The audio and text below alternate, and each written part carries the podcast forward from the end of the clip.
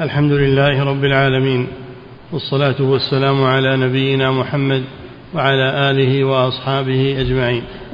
أما بعد قال المؤلف رحمه الله تعالى ويعرف مراد المتكلم بطرق متعددة منها أن يصرح بإرادة ذلك المعنى ومنها أن يستعمل اللفظ الذي له معنى ظاهر بالوضع ولا يبين بقرينة تصحب الكلام أنه لم يرد ذلك المعنى.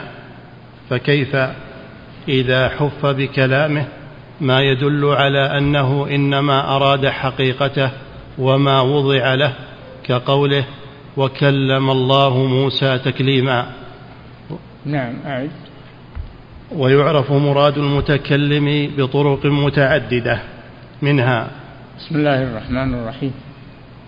الحمد لله رب العالمين صلى الله وسلم على نبينا محمد وعلى آله وأصحابه أجمعين. سبق أن أن كلام الله سبحانه وتعالى يعرف معناه إما من طريق القرآن يفسر القرآن بالقرآن وإما من طريق تفسير السنة بالقرآن تفسير القرآن بالسنة بعد القرآن تفسير القرآن بالسنة سنة الرسول صلى الله عليه وسلم. وكذلك الوجه الثالث يعرف معنى كلام الله من وضع اللغة التي نزل بها القرآن اللغة العربية. من وضع اللغة العربية. فإنه كلام عربي بلسان عربي مبين. فيفهم معناه من اللغة التي التي نزل بها. نعم. ويعرف مراد المتكلم بطرق متعددة منها أن يصرح بإرادة ذلك المعنى ومن أن يصرح الله جل وعلا بإرادة ذلك المعنى. يعني يفسر القرآن بالقرآن نعم. ومنها أن يستعمل اللفظ الذي له معنى ظاهر بالوضع ولا يبين بقرينة تصحب الكلام أنه لم يرد ذلك المعنى. فكيف؟ الكلام الأول نص. نص يسمى بالنص. إذا صرح الله بأنه أراد كذا فإن هذا نص ولا يذهب إلى غيره من التأويلات. الثاني أن أن أن لا يصرح بأنه أراد كذا وكذا فهذا يرجع فيه إلى القرآن نفسه يفسر بعضه بعضا.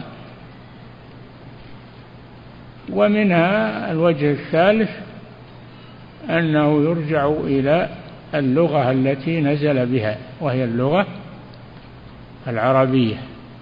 نعم. ومنها أن يستعمل اللفظ الذي له معنى ظاهر بالوضع ولا يبين بقرينة تصحب الكلام أنه لم يرد ذلك المعنى فكيف إذا حف بكلامه؟ ما يدل على أنه إنما أراد, أراد حقيقته وما وضع له كقوله وكلم الله موسى تكليما. نعم. يعني وجوه تفسير القرآن أنه أولا يفسر بالقرآن. إذا نص الله على أنه أراد كذا فهذا نص. وإذا لم يأتي نص فإنه يفسر بالقرآن بالآيات الأخرى. وإذا لم يكن هناك ما يفسره من الآيات الأخرى فإنه يفسر باللغة التي نزل بها. هذه وجوه تفسير القرآن. نعم. وقوله صلى الله عليه وسلم إنكم ترون ربكم عيانا كما ترون الشمس في الظهيرة ليس دونها سحاب. فهذا نعم هذا نص.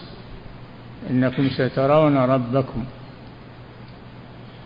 إنكم سترون ربكم كما ترون الشمس في الظهيرة ليس دونها سحاب.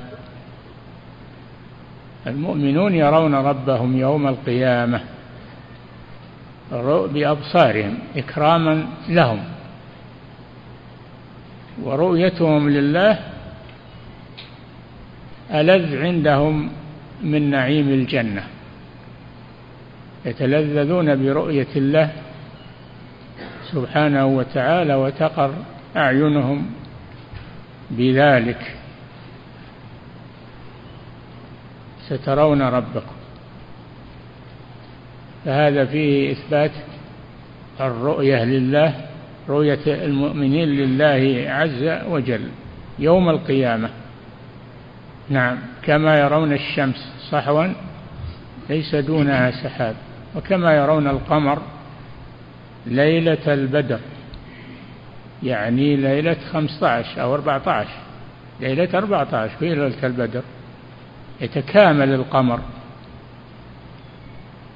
أولا يكون كالعرجون القديم في أول ليلة ثم يزيد يزيد كل ليلة يزيد يزيد إلى أن يتكامل. في الليلة الرابعة عشرة.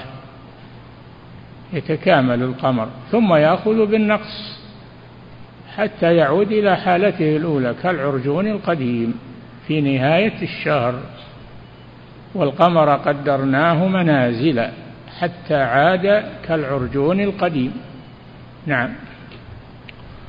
وقوله صلى الله عليه وسلم إنكم ترون ربكم عيانا كما ترون الشمس في الظهيرة ليس دونها سحاب فهذا مما يقطع السامع فيه بمراد المتكلم. أنه أراد الرؤيا بالأبصار.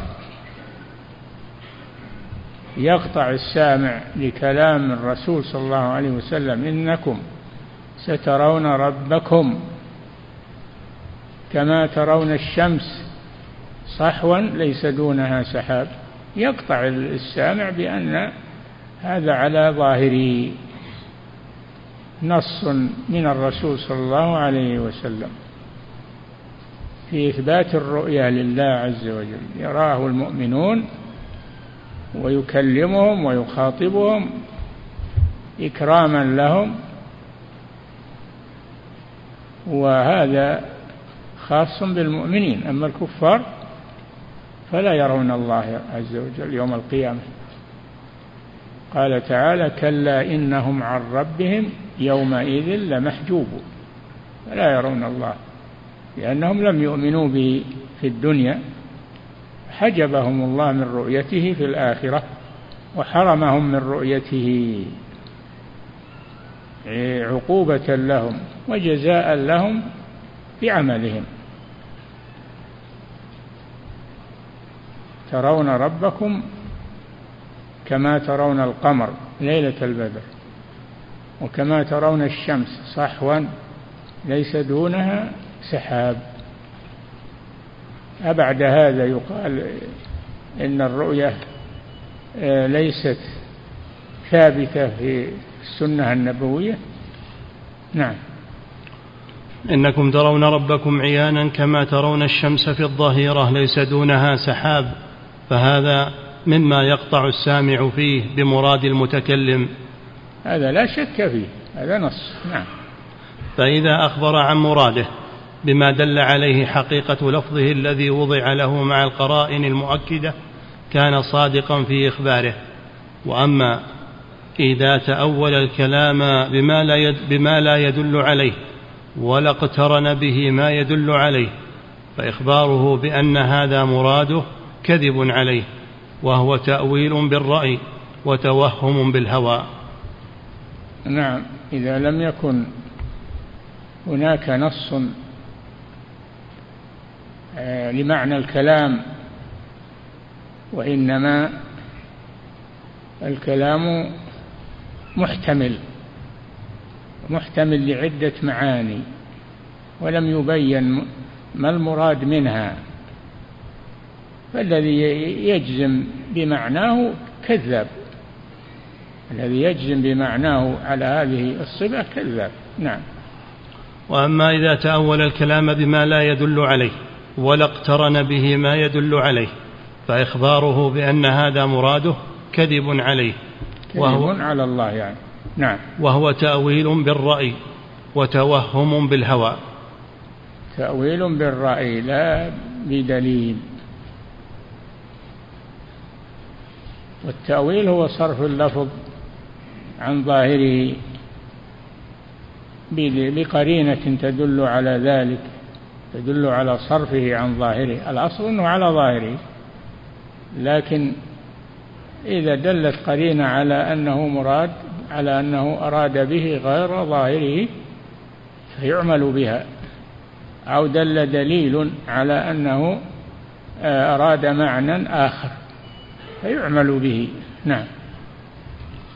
وحقيقة الأمر أن قول القائل نحمله على كذا أو نتأوله بكذا إنما هو من باب دفع دلالة اللفظ على ما وضع له فإن منازعه لما احتج عليه به ولم يمكنه دفع وروده دفع معناه وقال أحمله على خلاف ظاهره.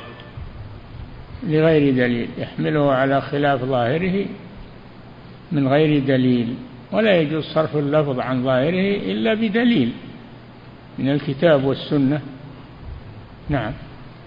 فإن قيل بل للحمل معنى آخر لم تذكروه وهو أن اللفظ لما استحال أن يراد به حقيقته وظاهره ولا يمكن تعطيله استدللنا بوروده وعدم إرادة ظاهره على أن مجازه هو المراد فحملناه عليه دلالة لا ابتداء.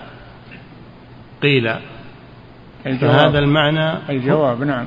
قيل فهذا المعنى هو الإخبار عن المتكلم أنه أراده وهو إما صدق وإما كذب كما تقدم ومن الممتنع. يكون صدقا إذا كان عليه دليل.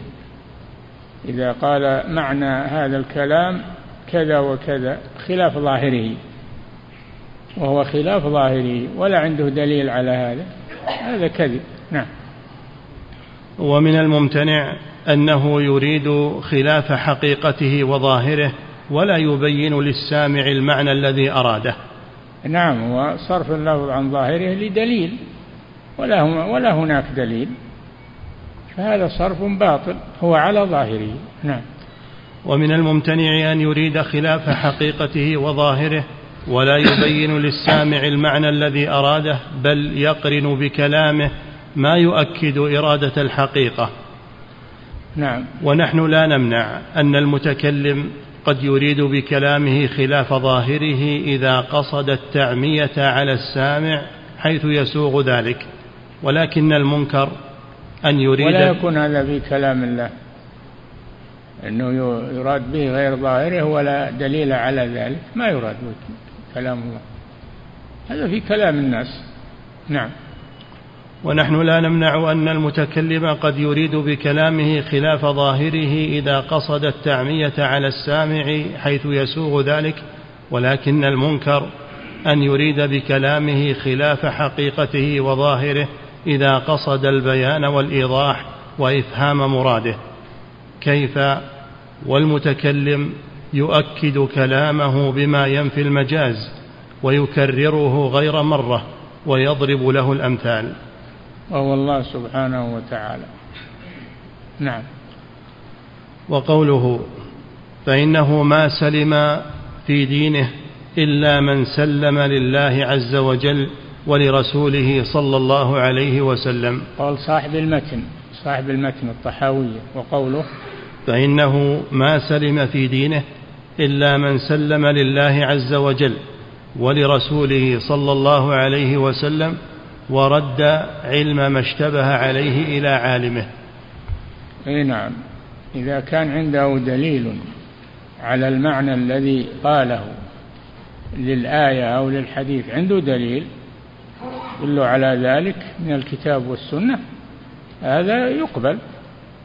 كلام الله يفسر بعضه ببعض ويفسر أيضا بكلام الرسول صلى الله عليه وسلم فإذا لم يكن هناك دليل من الكتاب ولا من السنة على المعنى الذي ادعاه فهو كذاب. نعم وباطل. نعم. وهذا طريقة المؤولة الذين يؤولون الصفات عن ظاهرها. نعم.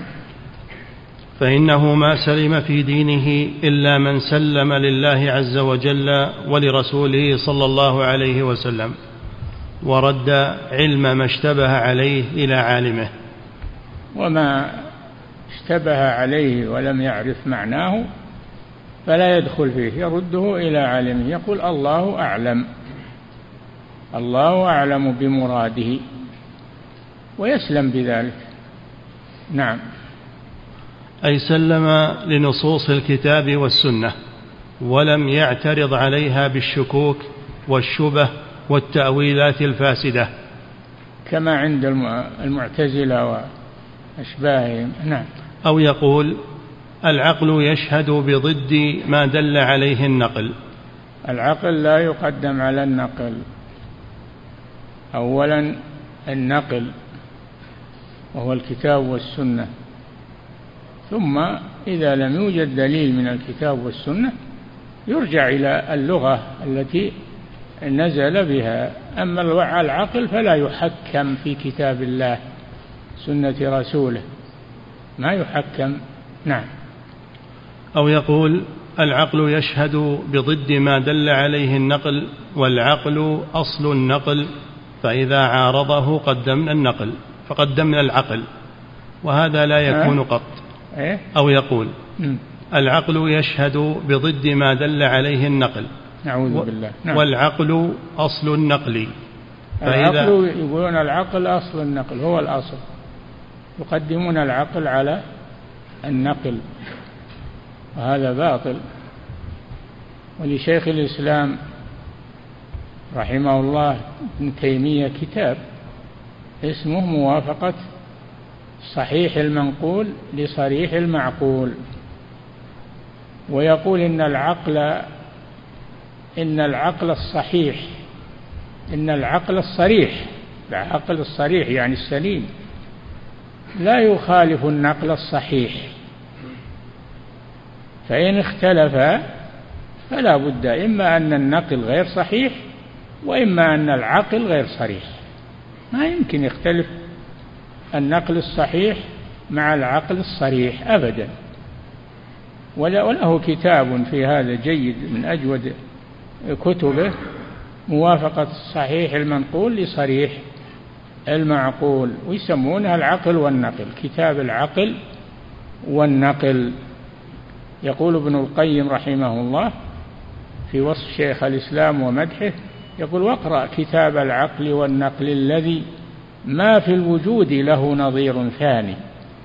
نعم. أو يقول العقل يشهد بضد ما دل عليه النقل والعقل أصل النقل فإذا عارضه قدمنا العقل وهذا لا يكون قط. نعم لا يكون أبدا. لا يكون إن العقل السليم يخالف النقل الصحيح أبدا. إن اختلف فلا بد إما أن النقل غير صحيح وإما أن العقل غير سليم. نعم. وهذا لا يكون قط لكن إذا جاء ما يوهم مثل ذلك فإن كان النقل صحيحا فذلك الذي يدعى أنه معقول إنما هو مجهول. إيه، ولو نعم. ولو حقق النظر لظهر ذلك. نعم. لا النقل الصحيح لا يخالفه العقل الصريح أبدا. فلا بد إذا اختلف إما أن النقل غير صحيح وإما أن العقل غير صريح. نعم. لكن إذا جاء ما يوهم مثل ذلك فإن كان النقل صحيحا فذلك الذي يدعى أنه معقول إنما هو مجهول. ولو حقق النظر لظهر ذلك وإن كان النقل غير صحيح فلا يصلح للمعارضة. أي نعم. فلا يتصور أن يتعارض عقل صريح ونقل صحيح هذه قاعدة انتبه. فلا؟ فلا يتصور أن يتعارض عقل صريح ونقل صحيح أبدا. أي نعم. عقل سليم مع نقل صحيح ما يتعارضون أبدا. إن تعارض فلا بد أن أحد الأمرين غير سليم. إما النقل ما هو بصحيح وإما أن العقل ما هو بصريح. نعم. فلا يتصور أن يتعارض عقل صريح ونقل صحيح أبدا ويعارض كلام من يقول ذلك بنظيره. فيقال يمكن أن الشارح نقل هذا من كتاب العقل والنقل لشيخ الإسلام بن تيمية. نعم. ويعارض كلام من يقول ذلك بنظيره فيقال إذا تعارض العقل والنقل وجب تقديم النقل لأن الجمع بين المدلولين جمع بين النقيضين ورفعهما رفع النقيضين وتقديم العقل ممتنع لأن العقل قد دل على صحة السمع ووجوب قبول ما أخبر به الرسول صلى الله عليه وسلم. فلو أبطلنا النقل لكنا قد أبطلنا دلالة العقل ولو نعم. أبطلنا دلالة العقل لم يصلح أن يكون معارضا للنقل لأن ما ليس بدليل لا يصلح لمعارضة شيء من الأشياء فكان تقديم العقل موجبا عدم تقديمه فلا يجوز تقديمه وهذا بين واضح فإن نعم. العقل هو نعم. الذي دل على صدق السمع وصحته. فإن فإن العقل هو الذي دل على صدق السمع وصحته. لا صحة. فإن العقل هو الذي دل على صدق السمع وصحته. السمع المراد به النص الكتاب والسنة. نعم. فإن العقل هو الذي دل على صدق السمع وصحته وأن خبره مطابق لمخ وأن خبره مطابق لمخبره فإن جاز أن تكون الدلالة باطلة لبطلان النقل لزم ألا يكون العقل دليلا صحيحا. وإذا لم يكن دليلا صحيحا لم يجز أن يتبع بحال فضلا عن أن يقدم. فصار تقديم العقل على النقل قدحا في العقل. نعم. فالواجب. فالواجب كمال التسليم للرسول صلى الله عليه وسلم والانقياد لأمره. إذا لم إذا لم يكن في العقل دليل فإنك تتوقف وتسلم للرسول صلى الله عليه وسلم ولا تعارضه. سلم للرسول لأنه لا ينطق عن الهوى إن هو إلا وحي يوحى. نعم. فالواجب كمال التسليم للرسول صلى الله عليه وسلم والانقياد لأمره وتلقي خبره بالقبول والتصديق. بقوله تعالى وما آتاكم الرسول فخذوه وما نهاكم عنه فانتهوا واتقوا الله إن الله شديد العقاب. نعم. وتلقي خبره بالقبول والتصديق دون أن يعارضه بخيال باطل يسميه معقولا أو يحمله شبهة أو شكا أو يقدم عليه آراء الرجال وزبالة أذهانهم. فيوحده بالتحكيم فيوحده بالتحكيم والتسليم والانقياد والإذعان.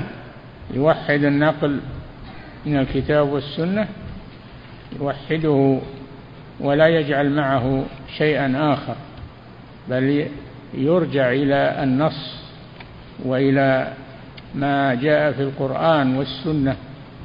إن عرفناه والحمد لله وإلا فإننا نسلم لذلك ونتوقف حتى يتبين لنا أو نسأل أهل العلم سألوا أهل الذكر كنتم لا تعلمون فلا يندفع الإنسان حسب هواه أو يعتد بنفسه وعلمه لا ما يعتد بنفسه وعلمه بل يكون متهما لعقله ومتهما لعلمه بالقصور. نعم فاللي ما تعرف له اتركه خله على ما هو عليه. ولا تدخل في تفسيره أو تأويله نعم. فيوحده بالتحكيم والتسليم والانقياد والإذعان كما وحد المرسل بالعبادة والخضوع والذل والإنابة والتوكل. فلا وربك لا يؤمنون حتى يحكموك فيما شجر بينهم ثم لا يجدوا في أنفسهم حرجا مما قضيت. ويسلموا تسليما. نعم. فهما توحيدان. والله جل وعلا يقول وما آتاكم الرسول فخذوه وما نهاكم عنه فانتهوا. ويقول وما ينطق عن الهوى. يعني الرسول صلى الله عليه وسلم إن هو إلا وحي يوحى. نعم. فهما توحيدان لا نجاة للعبد من عذاب الله إلا بهما. توحيد المرسل وتوحيد متابعة الرسول. أي نعم توحيد المرسل وتوحيد الرسول بأنه لا يطاع غير الرسول صلى الله عليه وسلم. لا يطاع العقل أو يطاع فلان أو علان بل الذي يطاع مطلقا هو الرسول صلى الله عليه وسلم. لأنه لا ينطق عن الهوى إن هو إلا وحي يوحى. نعم. فهما توحيدان لا نجاة للعبد من عذاب الله إلا بهما. توحيد المرسل وتوحيد متابعة المرسل وهو الله سبحانه وتعالى. نعم. وتوحيد متابعة الرسول فلا يحاكم إلى غيره ولا نعم. يرضى بحكم غيره. نعم. ولا, ولا يقف تنفيذ أمره وتصديق خبره على عرضه على قول شيخه وإمامه. وذوي مذهبه وطائفته ومن يعظمه. ولا ولا يقف تنفيذ أمره وتصديق خبره على عرضه على قول شيخه وإمامه وذوي مذهبه وطائفته ومن يعظمه. فإن أذنوا له نفذه وقبل خبره وإلا فإن طلب السلامة فوضه إليهم. وأعرض عن أمره وخبره وإلا حرفه عن مواضعه وسمى تحريفه تاويلا وحملا فقال نؤوله ونحمله. فلأن يلقى العبد ربه بكل ذنب ما خلا الإشراك بالله خير له من أن يلقاه بهذه الحال. نعم أن يلقاه بانه يحكم على الكتاب والسنة بعقله ومعرفته أو معرفة شيخه أو مذهبه. لا يقدم شيء من هذه الأمور. على ما جاء في الكتاب والسنة. إن عرفته فالحمد لله. وإن لم تعرفه ففوضه إلى الله سبحانه وتعالى. واسأل أهل العلم. اسألوا أهل الذكر إن كنتم لا تعلمون. نعم. بل إذا بلغه الحديث الصحيح يعد نفسه كأنه سمعه من رسول الله صلى الله عليه وسلم. هذا الواجب أنك إذا سمعت الحديث الصحيح كأنك سمعته أنت من رسول الله صلى الله عليه وسلم. تصدقه تماما. كأنك حاضر في مجلس الرسول صلى الله عليه وسلم. نعم. ولو بينك وبينه مئات السنين. نعم. بل إذا بلغه الحديث الصحيح يعد نفسه كأنه سمعه من رسول الله صلى الله عليه وسلم فهل يسوغ له أن يؤخر قبوله والعمل به حتى يعرضه على رأي فلان وكلامه ومذهبه؟ هذه طريقة أهل الضلال يقدمون ما في كتبهم وما تقوله شيوخهم على كلام الله ورسوله. فالواجب العكس. تقديم الكتاب والسنة على أقوال الشيوخ وأصحاب المذاهب. نعم. فهل يسوغ له أن يؤخر قبوله والعمل به حتى يعرضه على رأي فلان وكلامه ومذهبه؟ بل كان الفرض المبادرة إلى امتثاله من غير التفات إلى سواه. ولا يستشكل قوله لمخالفته رأي فلان بل تستشكل الآراء لقوله. نعم. ولا يعارض نصه بقياس بل تهدر الأقيسة وتلغى لنصوصه. ولا يحرف كلامه عن حقيقته لخيال يسميه أصحابه معقولا. نعم هو مجهول وعن الصواب معزول.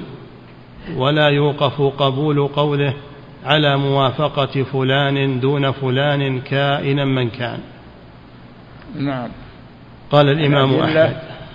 الأدلة التي يعتمد عليها الكتاب وهو القرآن ثانيا السنة وهي أحاديث الرسول صلى الله عليه وسلم.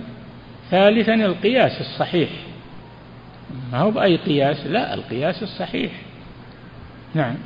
بعد الكتاب والسنة. نعم. قال الإمام أو أحمد تقول أولا الكتاب ثم ثانيا السنة ثالثا الإجماع. إجماع أهل العلم. رابعا القياس. نعم. قال الإمام أحمد حدثنا أنس بن عياض. قال حدثنا أبو حازم قال عن- الإمام أحمد. نعم. قال الإمام أحمد حدثنا أنس بن عياض. نعم. قال حدثنا أبو حازم عن عمرو بن شعيب عن أبيه عن جده. قال عمرو بن شعيب عن أبيه عن جده. جده عمرو بن العاص رضي الله عنه. نعم. عن أبيه عن جده قال لقد جلست أنا وأخي مجلسا ما أحب أن لي به حمر النعم. أقبلت أنا وأخي. وإذا مشيخة من أصحاب رسول الله صلى الله عليه وسلم جلوس عند باب من أبوابه. فك- من أبواب الرسول صلى الله عليه وسلم. نعم. فكرهنا أن نفرق بينهم. فجلسنا حجرة إذ ذكروا آية من القرآن فتماروا فيها حتى ارتفعت أصواتهم. فخرج رسول الله صلى الله عليه وسلم مغضبا. قد احمر وجهه يرميهم بالتراب ويقول مهلا يا قوم. وبهذا أهلكت الأمم من قبلكم باختلافهم على أنبيائهم وضربهم الكتب بعضها ببعض. إن القرآن لم ينزل يكذب بعضه بعضا وإنما نزل يصدق بعضه بعضا. فما عرفتم منه فاعملوا به وما جهلتم منه فردوه إلى عالمه. أي نعم إلى عالمه. من هو أعلم منكم من العلماء فإذا لم تجدوا فردوه إلى عالمه وهو الله سبحانه وتعالى وتوقفوا حتى يتبين لكم. ولا تدخلوا في ذلك بجهل أو تحكمون مذاهبكم على نصوص الكتاب والسنة أو قواعد الجدل التي هي علم المنطق أو ما أشبه ذلك. كل هذا مرفوض. نعم. ولا شك أن الله قد حرم القول عليه بغير علم. بلا شك. قل إنما حرم ربي الفواحش ما ظهر منها وما بطن والإثم والبغي بغير الحق وأن تشركوا بالله ما لم ينزل به سلطانا وأن تقولوا على الله ما لا تعلمون فجعل القول على الله بغير علم فوق الشرك. تشركوا بالله ما لم ينزل به سلطانا. وأن تقولوا على الله ما لا تعلمون صار أعظم من الشرك. نعم. ولا شك أن الله قد حرم القول عليه بغير علم. قال تعالى قل إنما حرم ربي الفواحش ما ظهر منها وما بطن. نعم. والإثم والبغي بغير الحق. وأن تشركوا بالله ما لم ينزل به سلطانا وأن تقولوا على الله ما لا تعلمون. نعم. وقال تعالى ولا تقف ما ليس لك به علم. لا تقف ما ليس لك به علم. الشيء اللي ما عندك فيه علم توقف فيه ولا تتكلم فيه أو تفسره أو تقول معناه كذا وكذا. تخرصا. نعم.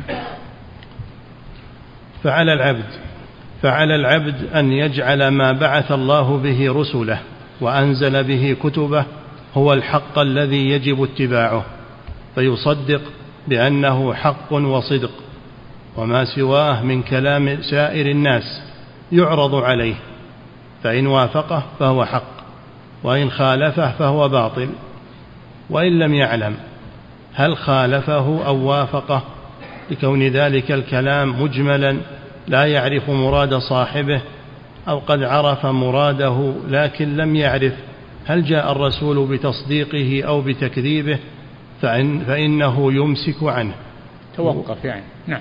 ولا يتكلم إلا بعلم والعلم ما قام عليه الدليل والنافع منه ما جاء به الرسول وقد يكون علم عن غير الرسول لكن في الأمور الدنيوية مثل الطب. الأمور الدنيوية أمرها سهل. الناس يعرفون الزراعة ويعرفون الصناعة ويعرفون لأن هذه أمور دنيوية.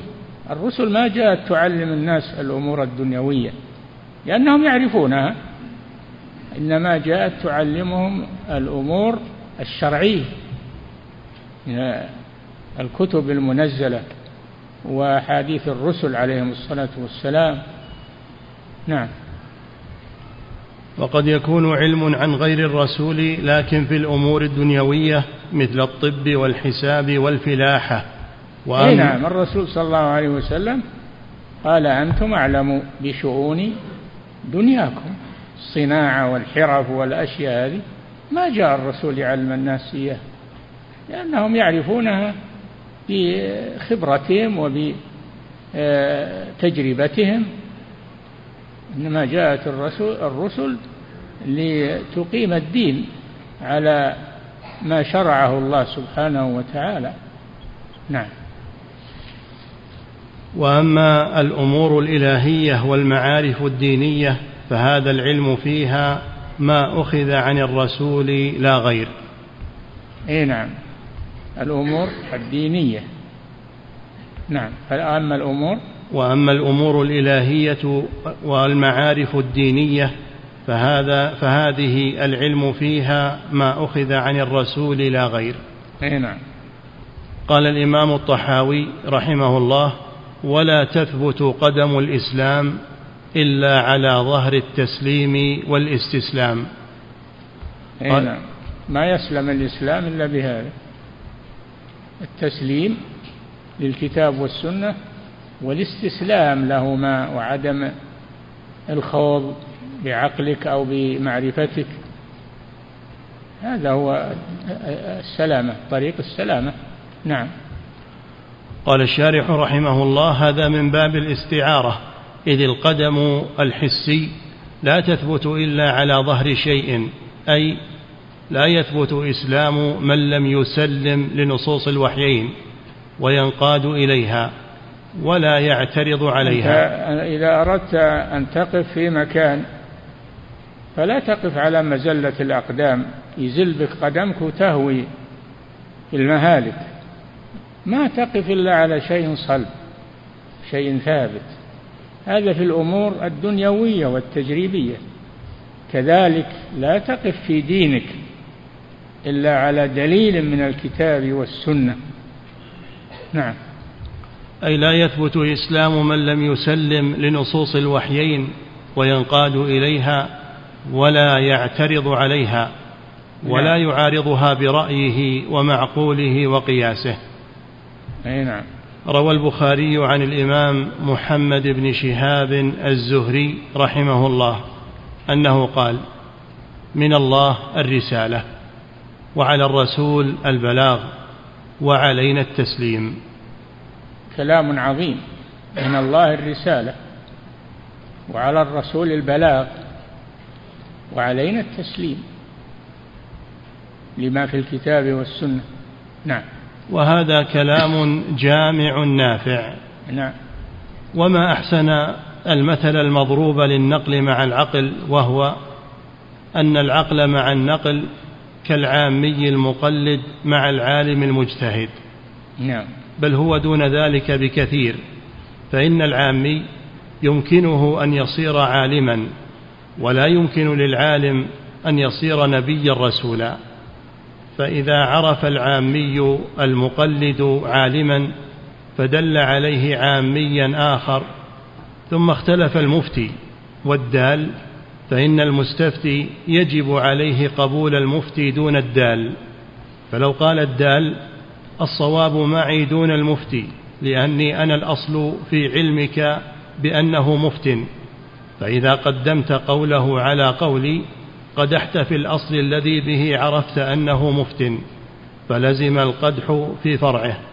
فيقول له المستفتي أنت لما شهدت له بأنه مفت ودللت عليه شهدت له بوجوب تقليده دونك فموافقتي لك في هذا العلم المعين لا يستلزم موافقتك في كل مسألة وخطأك فيما خالفت فيه المفتي الذي هو أعلم منك لا يستلزم خطأك في علمك بأنه مفت هذا مع علمه أن ذلك المفتي قد يخطئ. نعم نقف على هذا. السبب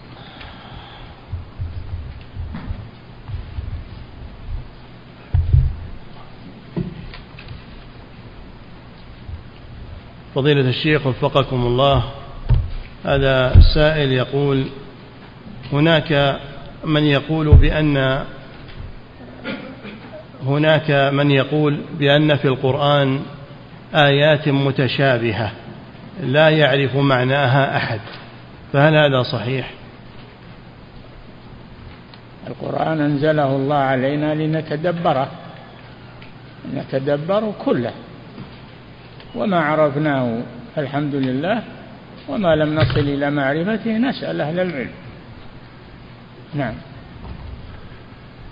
فضيلة الشيخ وفقكم الله قال الله جل وعلا كتاب أنزلناه إليك مبارك ليدبروا آياته. ما استثنى منها شيء.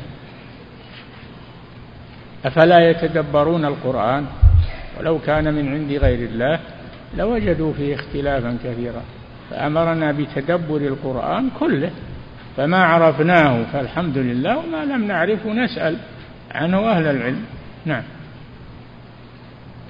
فضيلة الشيخ وفقكم الله. هذا سائل يقول هل يعذر بالجهل من يعيش في بلد من بلاد أوروبا ويعترف بأنه مسلم لكن ينكر يوم القيامة أو يشك فيه. وهذا يقول من كثير. من أنكر يوم القيامة أو شك فيه فهو كافر. فهو كافر والعياذ بالله. لأن الإيمان ستة أركان الإيمان بالله وملائكته وكتبه ورسله واليوم الآخر. وبالقدر خيره وشره اليوم الآخر. نعم. فضيلة الشيخ وفقكم الله هذا سائل يقول ما تفسير قول الله سبحانه وما قدر الله ما قدر الله حق قدره؟ إن الله لقوي عزيز. يعني ما عظموا الله حق تعظيمه؟ ما قدروا الله حق قدره؟ أي ما عظموه حق تعظيمه. حينما فعلوا وقالوا بغير علم. نعم. فضيلة الشيخ وفقكم الله هذا سائل يقول هل يصلى على من مات وهو يشهد أن لا إله إلا الله لكنه لا يصلي؟ لا. الذي يثبت أنه ما ما يصلي ثبت أنه ما يصلي لا يصلى عليه. لأن من, من ترك الصلاة متعمدا فهو كافر. نعم. فضيلة الشيخ وفقكم الله هذا سائل من خارج هذه البلاد يقول في بلدنا الدولة تمنع أداء الصلاة داخل المدارس الحكومية والأهلية ووضعت كاميرات لمراقبة من يصلي في المدرسة وتعاقبه. كذلك منعت الخروج من المدرسة وقت الصلاة. سؤاله هل يجوز أن يصلي الطالب بالإشارة؟ لا. يصلي إذا خرج من المدرسة ما دام بيخرج في الوقت ولو في آخره صلي إذا خرج. نعم. ذكر حفظك الله في السؤال أنهم يدخلون من الساعة الثامنة صباحا ولا يخرجون إلا مع أذان المغرب. يقول فتفوتهم صلاة الظهر والعصر هل لهم يصلون إشارة؟ يصلون دينهم ألزم عليهم ولا يدخلون في هذه المدرسة.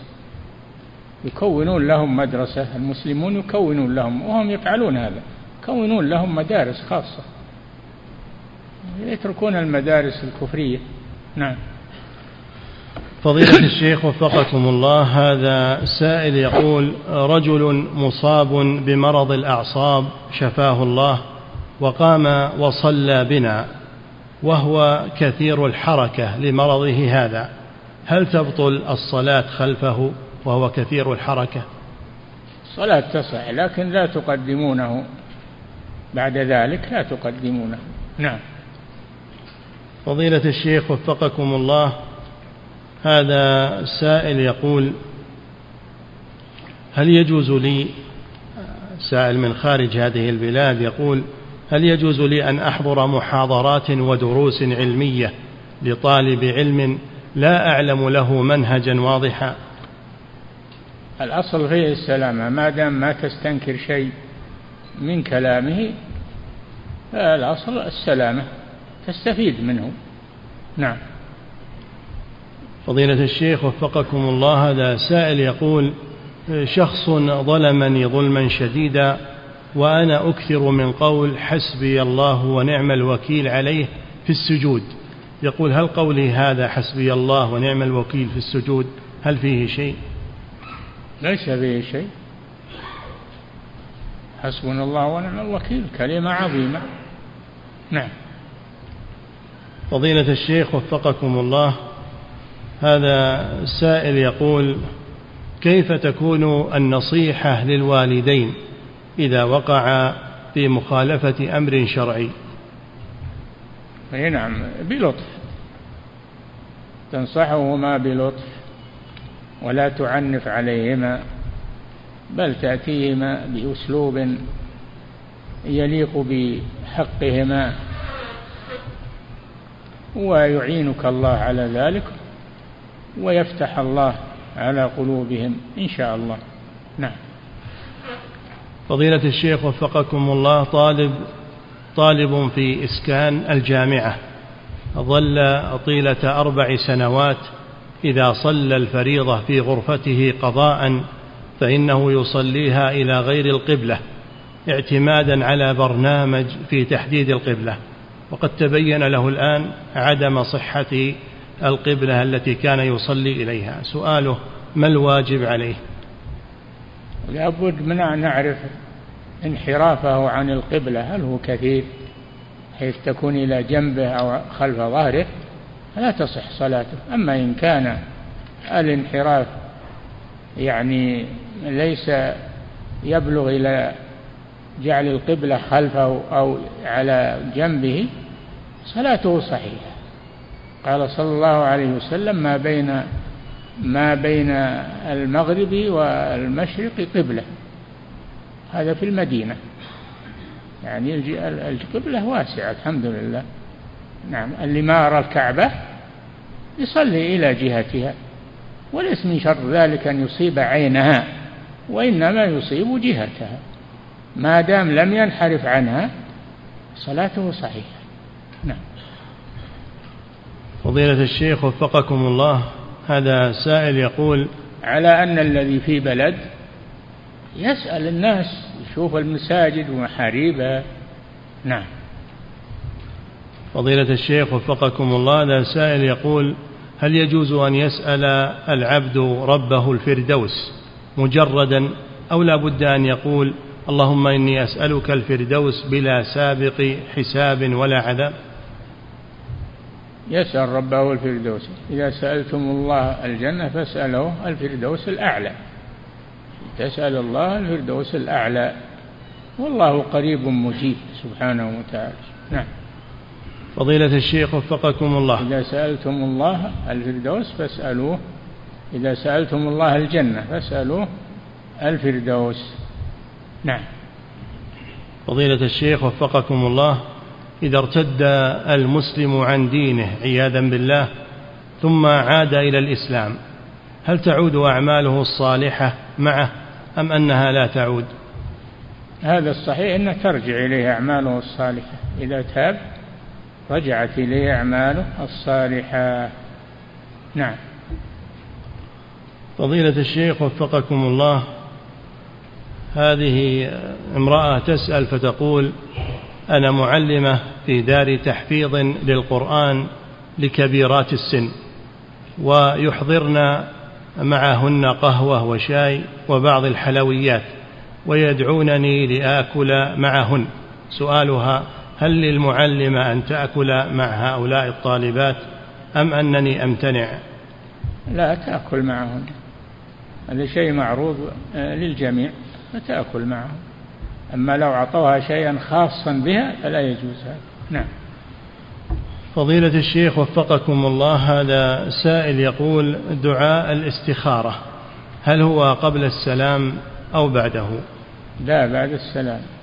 صلي ركعتين منها من غير الفريضة ثم يقول دعاء الاستغفار يعني بعد الصلاة. نعم.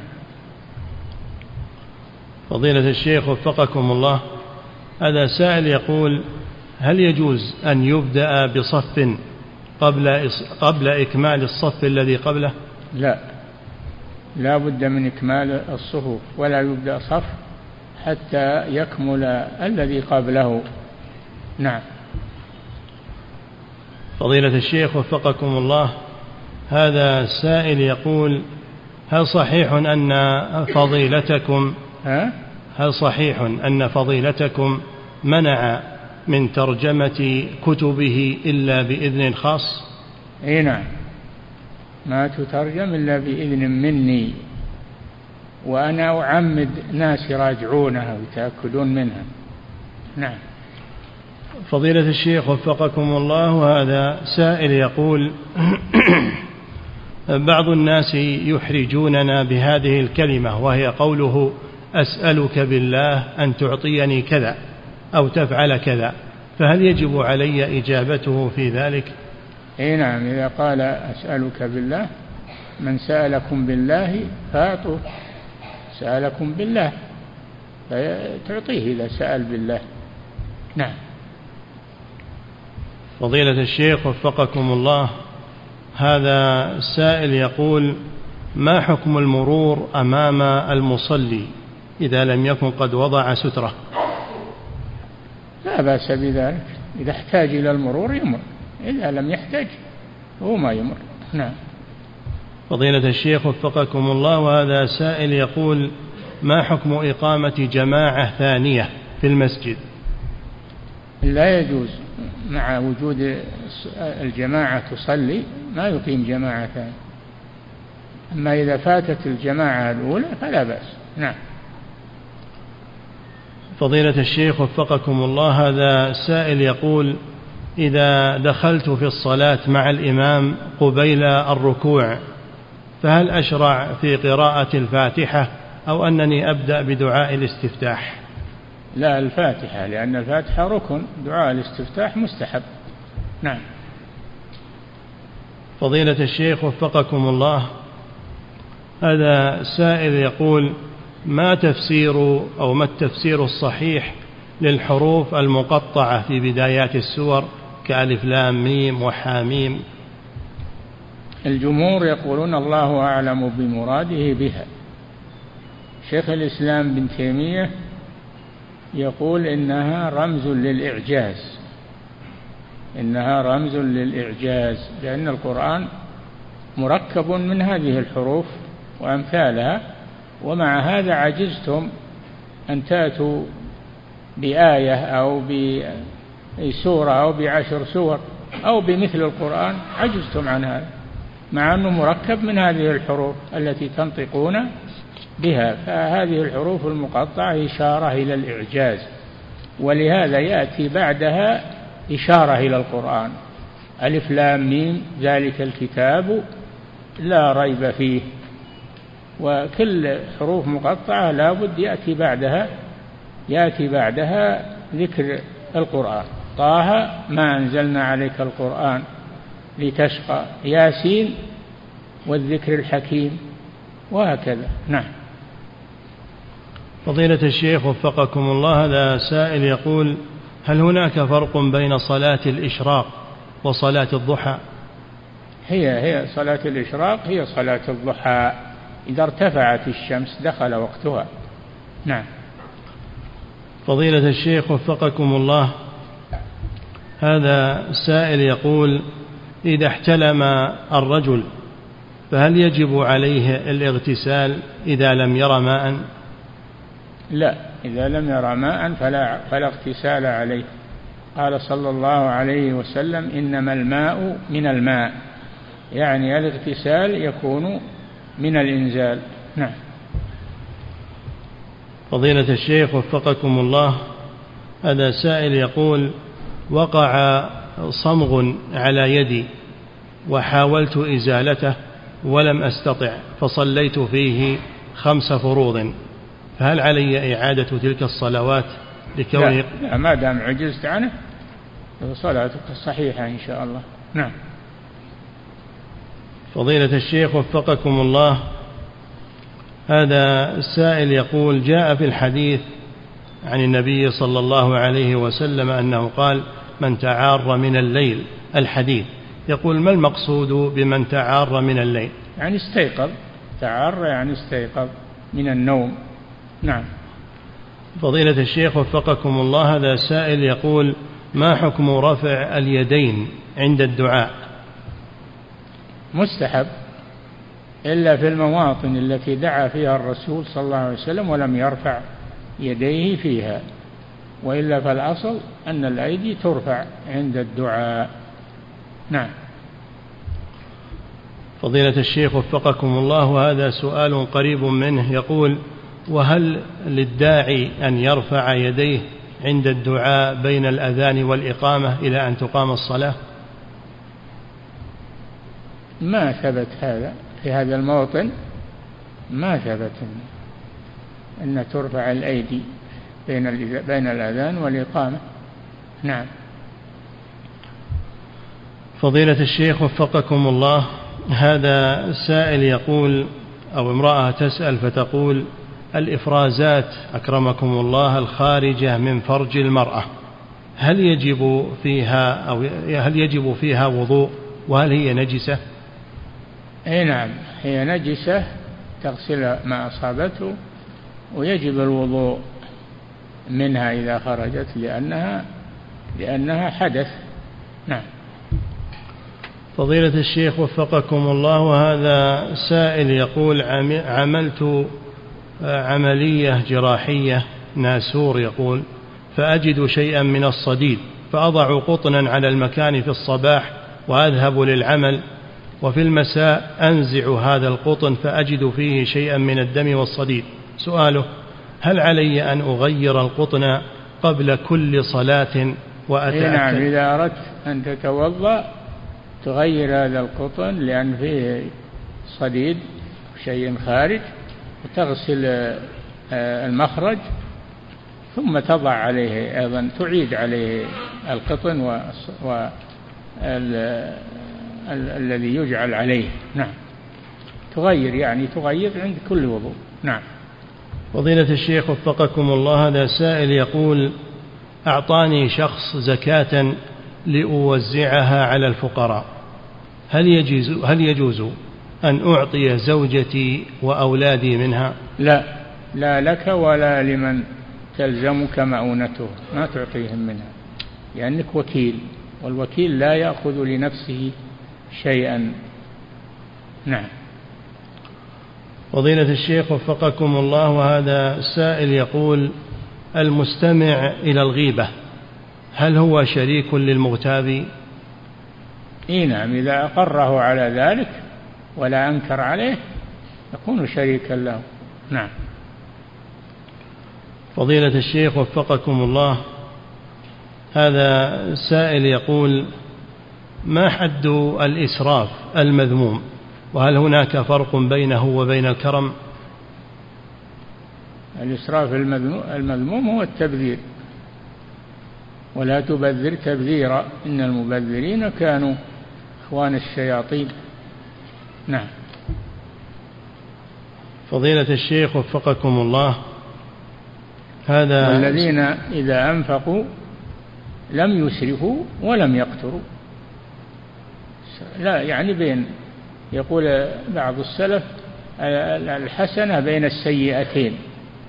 الحسنة بين السيئتين أن ينفق دون السرف ودون وفوق البخل. نعم. فضيلة الشيخ وفقكم الله هذا سائل يقول من أخذ من شعره أو من أظفاره هل صحيح أنه يشرع له أن يدفنها؟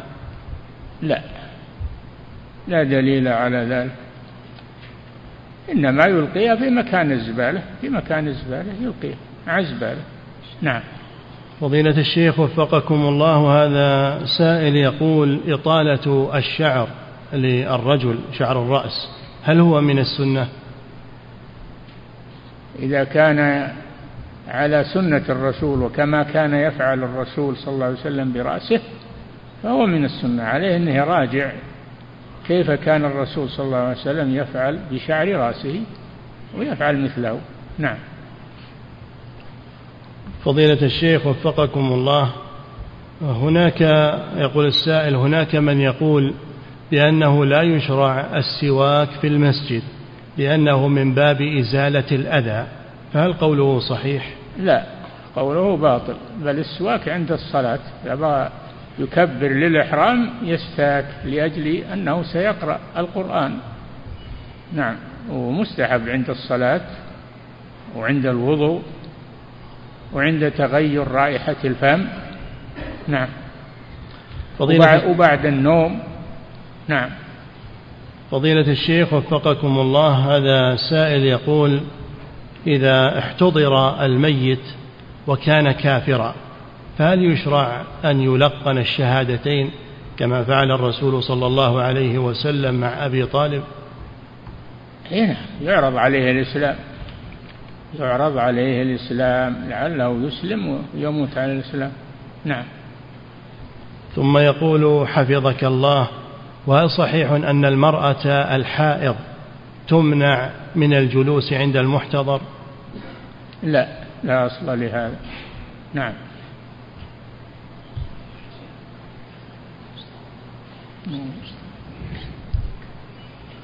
الله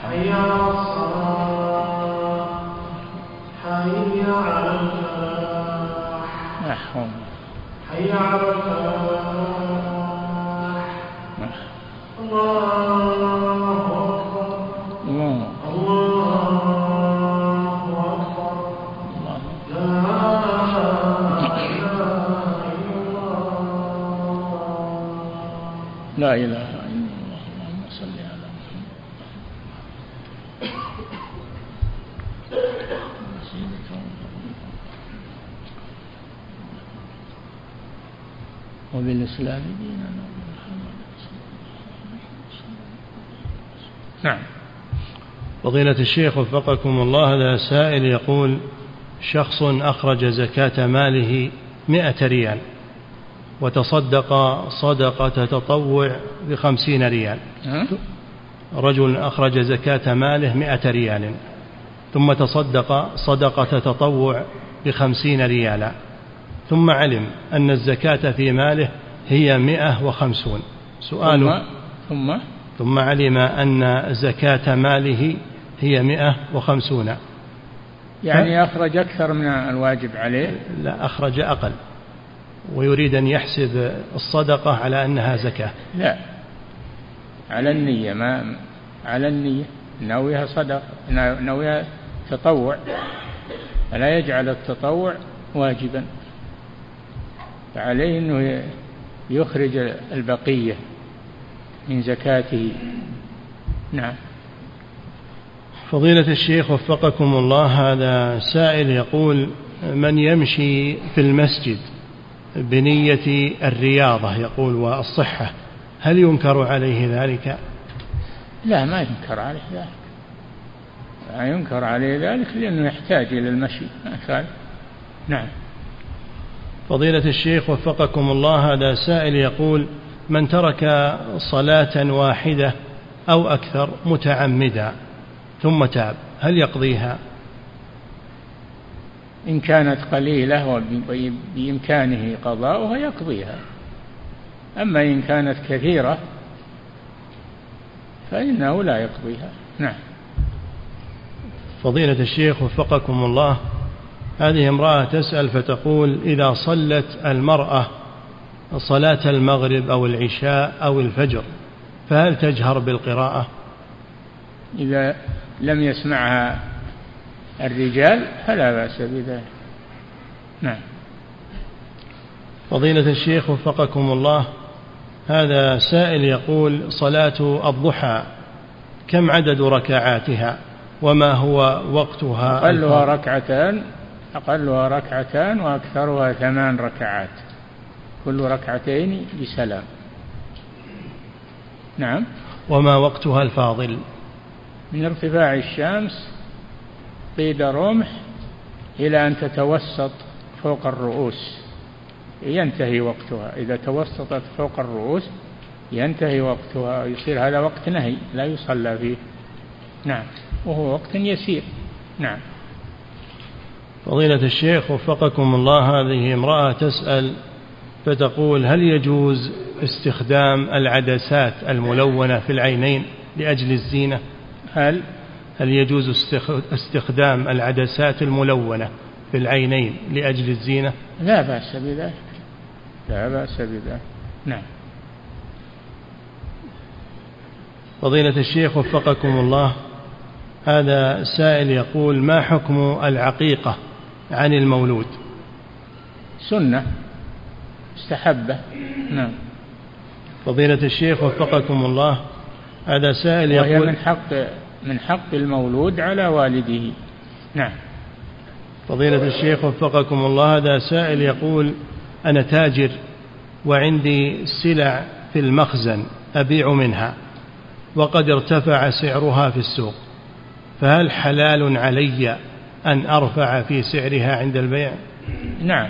تبيع بما تساوي. تبيعها بما تساوي.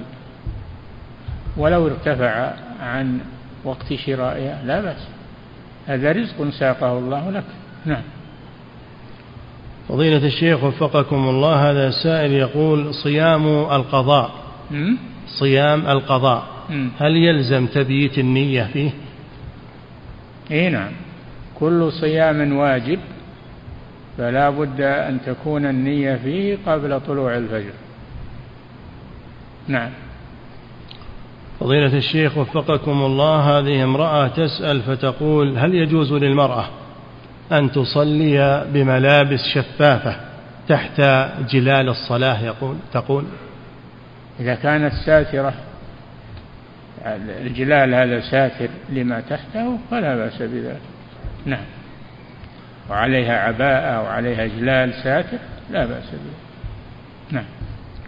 فضيلة الشيخ وفقكم الله هذا سائل يقول إذا تذكر الإمام أنه على غير طهارة أثناء الصلاة فهل ينيب أحدا ليتم بالمأمومين؟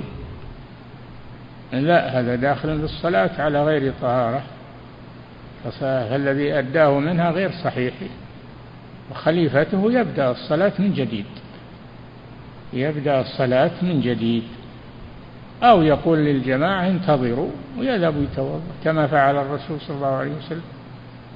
لما تقدم ذكر أنه دخل في الصلاة وذكر أنه على غير وضوء التفت إليهم صلى الله عليه وسلم وقال مكانكم. ثم ذهب وتوضأ وجاء وصلى بهم عليه الصلاة والسلام. نعم. فضيلة الشيخ وفقكم الله هذا سائل يقول هل الحجامة هي من السنة والمستحب؟ مباحة لا ما هي من السنة لكنها مباحة لأنها من العلاج نوع من العلاج والعلاج التداوي مباح التداوي مباح ومنه الحجامة. نعم. فضيلة الشيخ وفقكم الله هذا سائل يقول رجل وضع الوشم في جسمه ولم يكن يعلم أنه حرام. ثم علم. هل يجب عليه إزالته؟ إذا كان يستطيع. إزالته يزيلها أما إذا كان ما يستطيع فلا حرج عليه. نعم. فضيلة الشيخ وفقكم الله هذا سائل يقول أنا أذهب إلى مكة وأقوم بعمل عمرة عن والدي الذي توفاه الله. سؤاله هل أجر العمرة يكون عني وعن أبي أو هو خاص بأبي فقط. لا خاص لمن نويته له لكن أن تؤجر على البر بوالدك. تؤجر على البر بوالدك. نعم. فضيلة الشيخ وفقكم الله هذا سائل يقول هل يجوز للمسلم أن يصلي الصلاة المشروعة داخل الكنيسة؟ إذا كانت طاهرة ولا أمام الصور ما في بأس. إذا كانت طاهرة ولا أمام الصور فلا بأس بذلك. نعم. فضيلة الشيخ وفقكم الله هذا سائل يقول ما حكم قول كلمة فلان يستاهل إذا حصل على أمر طيب؟ لا بأس بذلك. نعم. فضيلة الشيخ وفقكم الله من عدم الماء والتراب أو لم يستطع استعمالهما.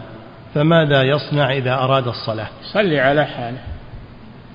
بلا وضوء ولا تيمم لأنه ما يستطيع أحدهما يصلي على حاله. نعم. اتقوا الله ما استطعتم. نعم. فضيلة الشيخ وفقكم الله هذا سائل يقول وضع حرف صاد بعد ورود وضع حرف صاد أيه؟ بعد ورود اسم النبي صلى الله عليه وسلم اختصارا هل هذا أمر جائز؟ لا.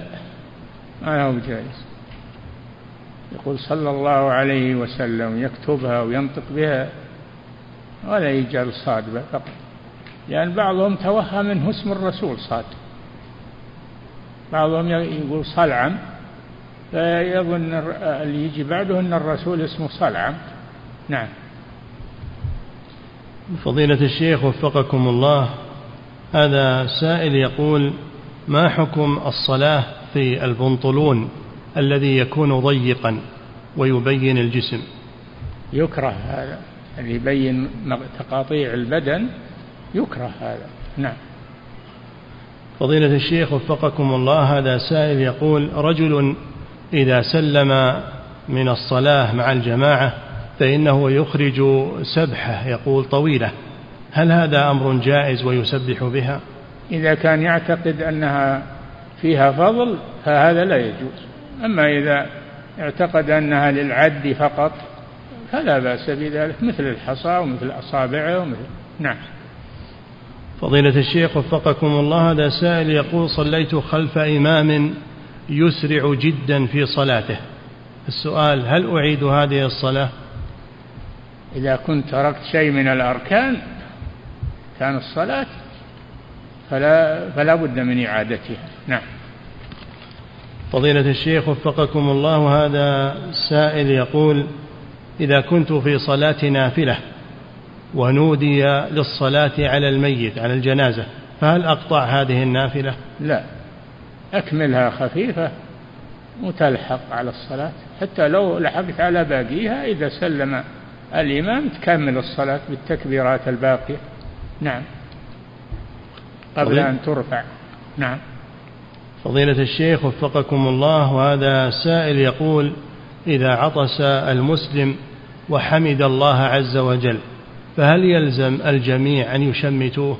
يكفي واحد هذا سنة كفاية نعم.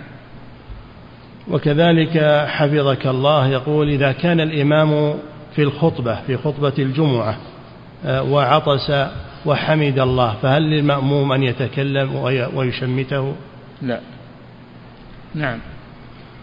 فضيلة الشيخ وفقكم الله هذا السائل يقول ما حكم أو امرأة تسأل فتقول ما حكم أن تجمع المرأة شعرها وترفعه فوق رأسها؟ لا يجوز هذا. هذا لا يجوز. يقول صلى الله عليه وسلم كأسنمة البخت المائلة تصير كأن لها رأسين. لا يجوز هذا. نعم. فضيلة الشيخ وفقكم الله هذا سائل البخت, البخت المراد بها إبل المشرق لها لكل واحد سنامين. يكون رأس المرأة مثل آه، البخت التي لها سنامان لها رأسان. لا يجوز هذا. نعم. فضيلة الشيخ وفقكم الله هذا سائل يقول فتحت في البنك حسابا جاريا وقام البنك بإعطائي هدية هل يجوز لي أن آخذها؟ لا لا تقبلها خذ حسابك وخلاص يكفيك نعم فضيلة الشيخ وفقكم الله هذا سائل يقول إذا كان المؤذن جنبا إذا كان المؤذن جنبا على جنابة فهل نعم. يجوز له فهل يجوز له أن يدخل المسجد ليؤذن ثم يرجع فيغتسل؟ إي نعم إلا عابري سبيل إن كنتم جنبا إلا عابري سبيل فالجنوب له يدخل المسجد ولكن لا يجلس وهو مار إلى يأخذ شيء. الرسول صلى الله عليه وسلم قال لعائشة ناوليني الخمر من المسجد. وكانت حائضا. قالت إني حائض. قال ليست حيضتك بيدك. اليد ما فيها حيض. نعم. انتهى وفقك الله تعالى أعلم.